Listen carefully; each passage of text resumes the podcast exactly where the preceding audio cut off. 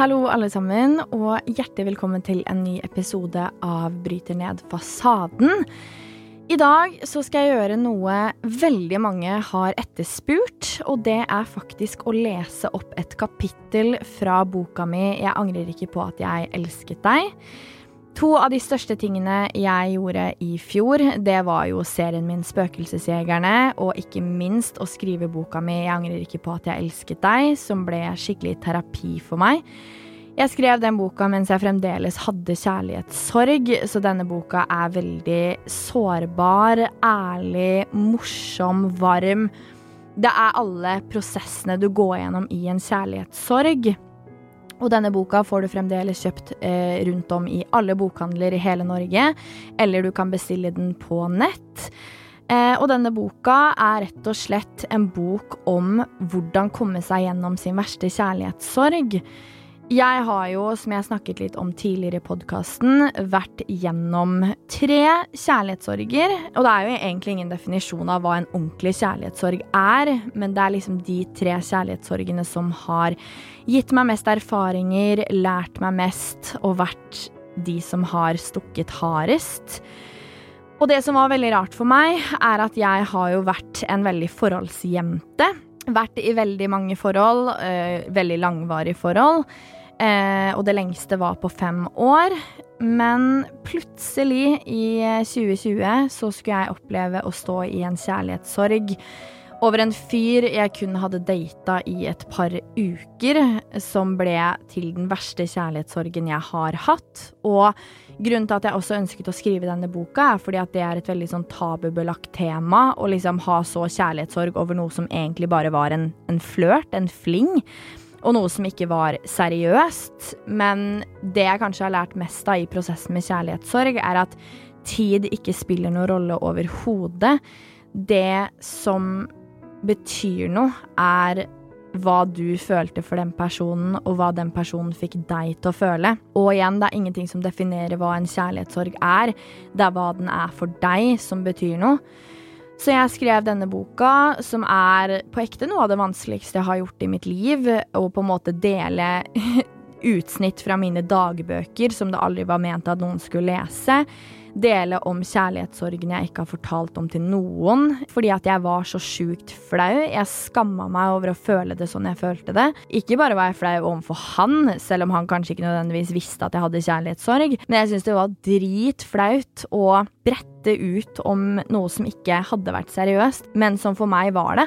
Så jeg tenkte rett og slett å lese opp eh, innledningen og et kapittel fra denne boka, så dere får litt sånn perspektiv på hva denne boka handler om. Og eh, kanskje dere blir frista til å lese hele. Og så er det tips og råd i alle kapitler, både fra psykologer.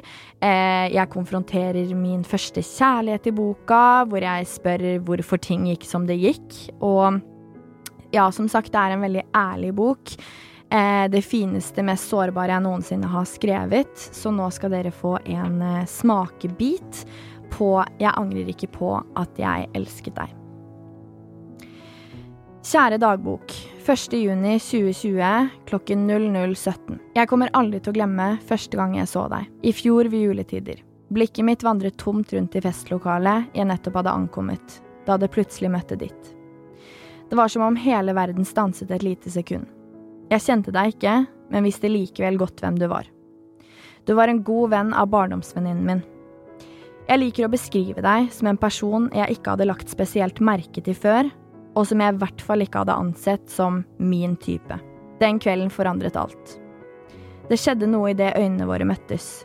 Et sånt type hvor man glemmer tid og sted, og alle andre som er rundt som om det kun var deg og meg til stede på den festen. Vi ble stående og se på hverandre i noe som føltes som en evighet, men som garantert bare var noen få sekunder. Det høres så forbanna klisjé ut, nesten som et levende filmøyeblikk. Kanskje var det dette alle mente med kjærlighet ved første blikk?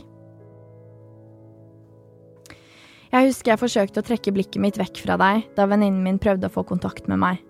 Hun rev meg ut av boblen du hadde fanget meg i, og jeg kom tilbake til meg selv. Jeg følte meg så dum. Filmøyeblikket hadde garantert bare foregått i mitt eget lille hode. Samtidig klarte jeg ikke helt å slippe tanken på at du også måtte ha følt noe i sekundet vi så hverandre for første gang. I løpet av festtimene som gikk, vekslet vi kun et par ord med hverandre, men etter den kvelden forlot du aldri hodet mitt igjen. For en plot twist du var. Tenk om jeg den kvelden hadde visst alt det jeg vet i dag. At jeg virkelig møtte gutten som skulle forandre alt, mitt syn på kjærlighet, at historien vi var i ferd med å skrive sammen, ville føre til den verste kjærlighetssorgen jeg noensinne har hatt. Ville jeg gjort det hele om igjen om jeg fikk sjansen? Det er natt til mandag. Ikke lenger noe jeg anser som natten til en ny dag eller uke. Bare enda en natt uten deg. Det er snart et år siden kvelden jeg møtte deg for første gang. Jeg hadde kommet ut av et forhold for litt over et halvt år siden, da vi møttes. Og da vi møttes, hadde jeg lovet meg selv å aldri forelske meg igjen. Ingen skulle få hele hjertet mitt, eller slippe helt inn igjen. Et klassisk eksempel på urealistiske løfter man lager seg når man virkelig har blitt såret og er livredd for å bli det igjen. Forholdet mellom meg og Henrik, min andre kjærlighet, tok slutt i starten av 2019, etter nesten fem år som kjærester.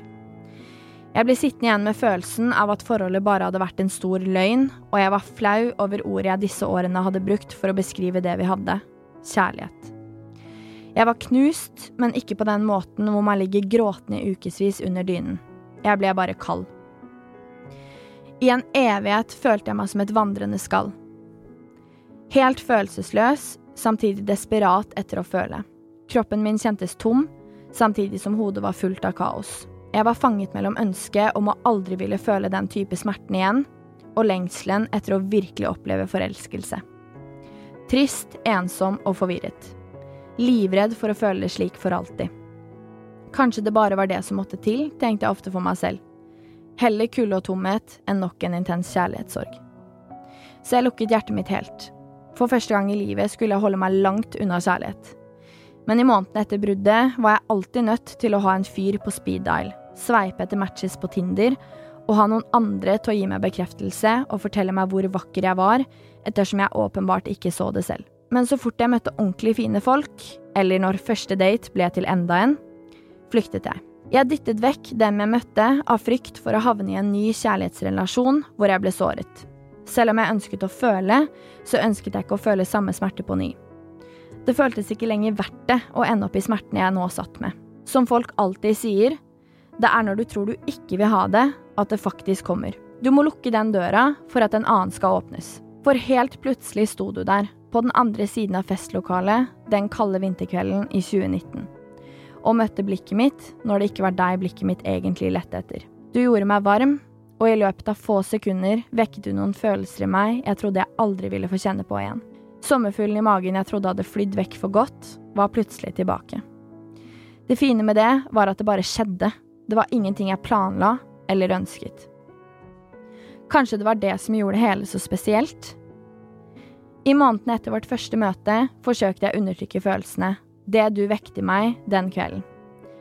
Men sannheten er at du, fra det tidspunktet, ble litt annerledes for meg enn alle andre. Det var deg jeg begynte å legge litt ekstra merke til på de neste festene vi begge var på. Jeg håpet at du skulle være der. Navnet ditt fikk meg til å smile hver gang det ble nevnt, og følelsen og tanken på deg ga seg ikke. Og jo lengre tid som gikk, desto sterkere kjentes det. Fra å ikke ha følt noe på mange måneder etter bruddet, følte jeg plutselig alt på en gang. Uten at jeg kjente deg. Hvordan var det mulig? Ingen andre hadde klart det du klarte kun ved hjelp av et blikk. Seks måneder gikk det fra vårt første møte til jeg fikk bekreftet at det ikke bare hadde foregått i mitt hode. Du hadde også kjent noe, noe spesielt, da blikkene våre møttes. Det var så godt å få bekreftet at jeg ikke var helt unormal, helt gal som det føltes som. Men da du på den festen seks måneder senere fortalte at du følte det samme, ble jeg også innhentet av realiteten. Jeg gikk fra lettelse til kalde føtter. Jeg hadde jo lovet meg selv å aldri forelske meg igjen, eller la noen knuse hjertet mitt på nytt. Det føltes trygt å kunne kjenne følelser for deg på avstand, en boble det aldri var planen at du skulle involveres i. Hadde jeg bare lurt meg selv til å føle det som dette, ble jeg forelsket i følelsen av å være forelska?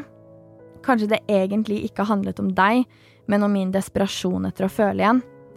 Det var et fullstendig kaos, men i motsetning til alle de andre gutta jeg hadde datet og møtt etter bruddet med Henrik, så klarte jeg ikke å dytte deg vekk. Som regel så flyktet jeg jo så fort ting ble litt for seriøst, men denne gangen følte sjansen av en eller annen merkelig grunn verdt å ta. Dette føltes så ekte, som noe helt annet enn alt jeg hadde vært borti før. Gjentatte ganger fortalte jeg deg at jeg ikke kunne love at vi kom til å bli noe seriøst. Jeg var så redd for å gi deg falske forhåpninger, spesielt ettersom det nesten virket som om du følte mer enn meg. Men med en klar advarsel hoppet vi ut i det for å se hvor det kunne lede oss. De neste ukene ble en game changer for meg. Den kalde jenta klarte du å varme opp, og sommerfuglen i magen var der hvert eneste sekund av tiden vi hadde sammen. Da du grep tak i meg og kysset meg for første gang, hvert eneste kyss, hver eneste dag. Men mest av alt når du så på meg. Frykten for å bli såret igjen begynte litt etter litt å slippe taket. Jeg så at dette kunne lede til noe virkelig fint, og jeg gikk fra å tvile til å ønske deg mer enn alt. Det er rart å bruke så mye tid på å ønske seg noe, for å så se at det blir revet bort, og at det aldri kan bli noe. Blikkene våre møttes i noen sekunder, og det åpnet muligheten. Øyeblikket der alt lukket seg, føltes like kort og intenst. En måned fikk vi. Så skulle alt som hadde vært så bra, viskes ut. En varm sommerdag våknet jeg opp med en intens dårlig magefølelse. Som en akutt sorg. Irrasjonelt og helt uten grunn. Du lå jo fremdeles ved min side. Det var som om hjertet mitt allerede visste hva som ville skje noen timer senere. Som om hodet mitt underbevisst forsøkte å forberede meg på det. Jeg visste det nok allerede da jeg lå og holdt rundt deg kvelden før. At den kvelden ville bli den siste. Du dro hjem fra leiligheten min, og dagen gikk uten et eneste ord fra deg. Det knøt seg mer og mer i magen min, og jeg ventet bare på meldingen jeg visste ville komme, om at dette var over. En liten stund føltes det nesten bedre å ikke høre noe i det hele tatt. Da levde fremdeles håp om at magefølelsen min tok feil. Kanskje du bare var opptatt? Fredagen kom, og en planlagt tacodate ble byttet ut med et 'kan jeg komme innom deg en tur'? Frykten slo ned i meg som et lyn, og jeg visste det. Om noen få timer skulle dette ta slutt. Jeg fikk et kraftig flashback til hvordan ting hadde endt med Henrik litt over et år tidligere. Mitt siste ønske var at dette skulle bli noe lignende. Jeg ville ha en fin avslutning på noe som egentlig aldri hadde vært, for det sluttet jo før det fikk begynt. Bestevennen min og samboeren min Helen banket på baderomsdøren. Jeg gjorde en siste touch-up på sminken minuttene før han skulle komme. Hun visste like godt som meg hva som kom til å skje den kvelden, selv om hun ikke innrømmet det. Hun hadde selv sett hvor fint vi hadde hatt det sammen, og beroliget meg med at det sikkert bare var overtenkeren i meg som fryktet det verste. Hun tok tak i meg og klemte hardt til, og sa dette kommer til å gå helt fint, Victoria, bare ikke gråt foran han uansett hva som skjer. Det samme tenkte jeg. Om du oppdaget at jeg hadde forelsket meg i deg, så hadde jeg tapt. Jeg hørte ringeklokken, men ville ikke åpne. Om bare disse sekundene kunne vart evig. De siste sekundene det var oss, jeg trakk pusten dypt og åpnet døren. I øynene dine kunne jeg se at alt var forandret. Du så ikke lenger på meg på samme måte, og det var ikke slik som første gang, for nå flakket blikket ditt. Måten du klemte meg på, ga meg ikke lenger følelsen av at du aldri ville la meg gå. Stemningen mellom oss var anspent, og jeg så munnen din bevege seg, men forsto ikke ordene som kom ut. Bablingen om at dette ikke var noe du ønsket å gjøre, men noe du måtte gjøre for din egen del. Du måtte avslutte det. Jeg husker at jeg satt der helt tom, men samtidig full av spørsmål. Hva skjedde med alle følelsene du hadde? Jeg bet tennene sammen, trakk pusten og svelget en ekstra gang for ikke å knekke sammen. I ren forsvarsmekanisme lo jeg situasjonen vekk, smilte og svarte herregud, null stress, det forstår jeg kjempegodt, og det gjør overhodet ingenting for min del. Som om det hele var en bagatell, når det eneste jeg egentlig ønsket å fortelle deg, var hvor mye jeg ville ha deg hvor stort det var for meg å klare å slippe noen helt inn igjen. Men jeg ville bare ikke la deg vinne. Nektet å vise deg hvilke følelser som slo inn i kroppen min i det øyeblikket du sa at du ikke lenger ville ha meg. Jeg ville beholde min ære og stolthet, samtidig som jeg forsøkte å overbevise meg selv om at det var du som mistet noe bra, og ikke jeg. Du reiste deg sakte opp fra sofaen og gikk ut mot utgangsdøren. Når du gikk ut av den døren, ville det ikke være noen vei tilbake, så jeg ble stående og holde deg et lite ekstra minutt. Jeg kjente tårene presse på, så idet jeg slapp taket, snudde jeg meg vekk. Jeg åpnet døren, du snudde deg mot meg, og så møttes blikkene våre. Igjen føltes det som om verden sto stille. Kun oss to i dette øyeblikket. En kjærlighetshistorie ingen andre enn oss delte. Ha det bra, Victoria, sa du og gikk. Før du forsvant inn i heisen, snudde du deg en ekstra gang. Jeg sto helt stille. Jeg ønsket jo ikke å si ha det, og hadde heller håpet på et vi ses snart igjen. Hvordan sier man ha det når hjertet fremdeles holder fast? Det var som om du tok det med deg da du gikk. Jeg lukket døren mens blikkene våre fortsatt var som frosset fast i hverandre. Idet døren smalt igjen bak meg, kollapset jeg på gulvet. Jeg hylte det mest hjerteskjærende hylet. Helen kom løpende mot meg, kastet seg ned på gulvet og omfavnet meg da jeg hulkende vred meg rundt. Smerten var fysisk, blandet med den jævlige følelsen av at det knuste hjertet mitt aldri kom til å bli helt igjen. Jeg som trodde jeg aldri ville gråte over en fyr igjen, lå hylgråtende på gulvet.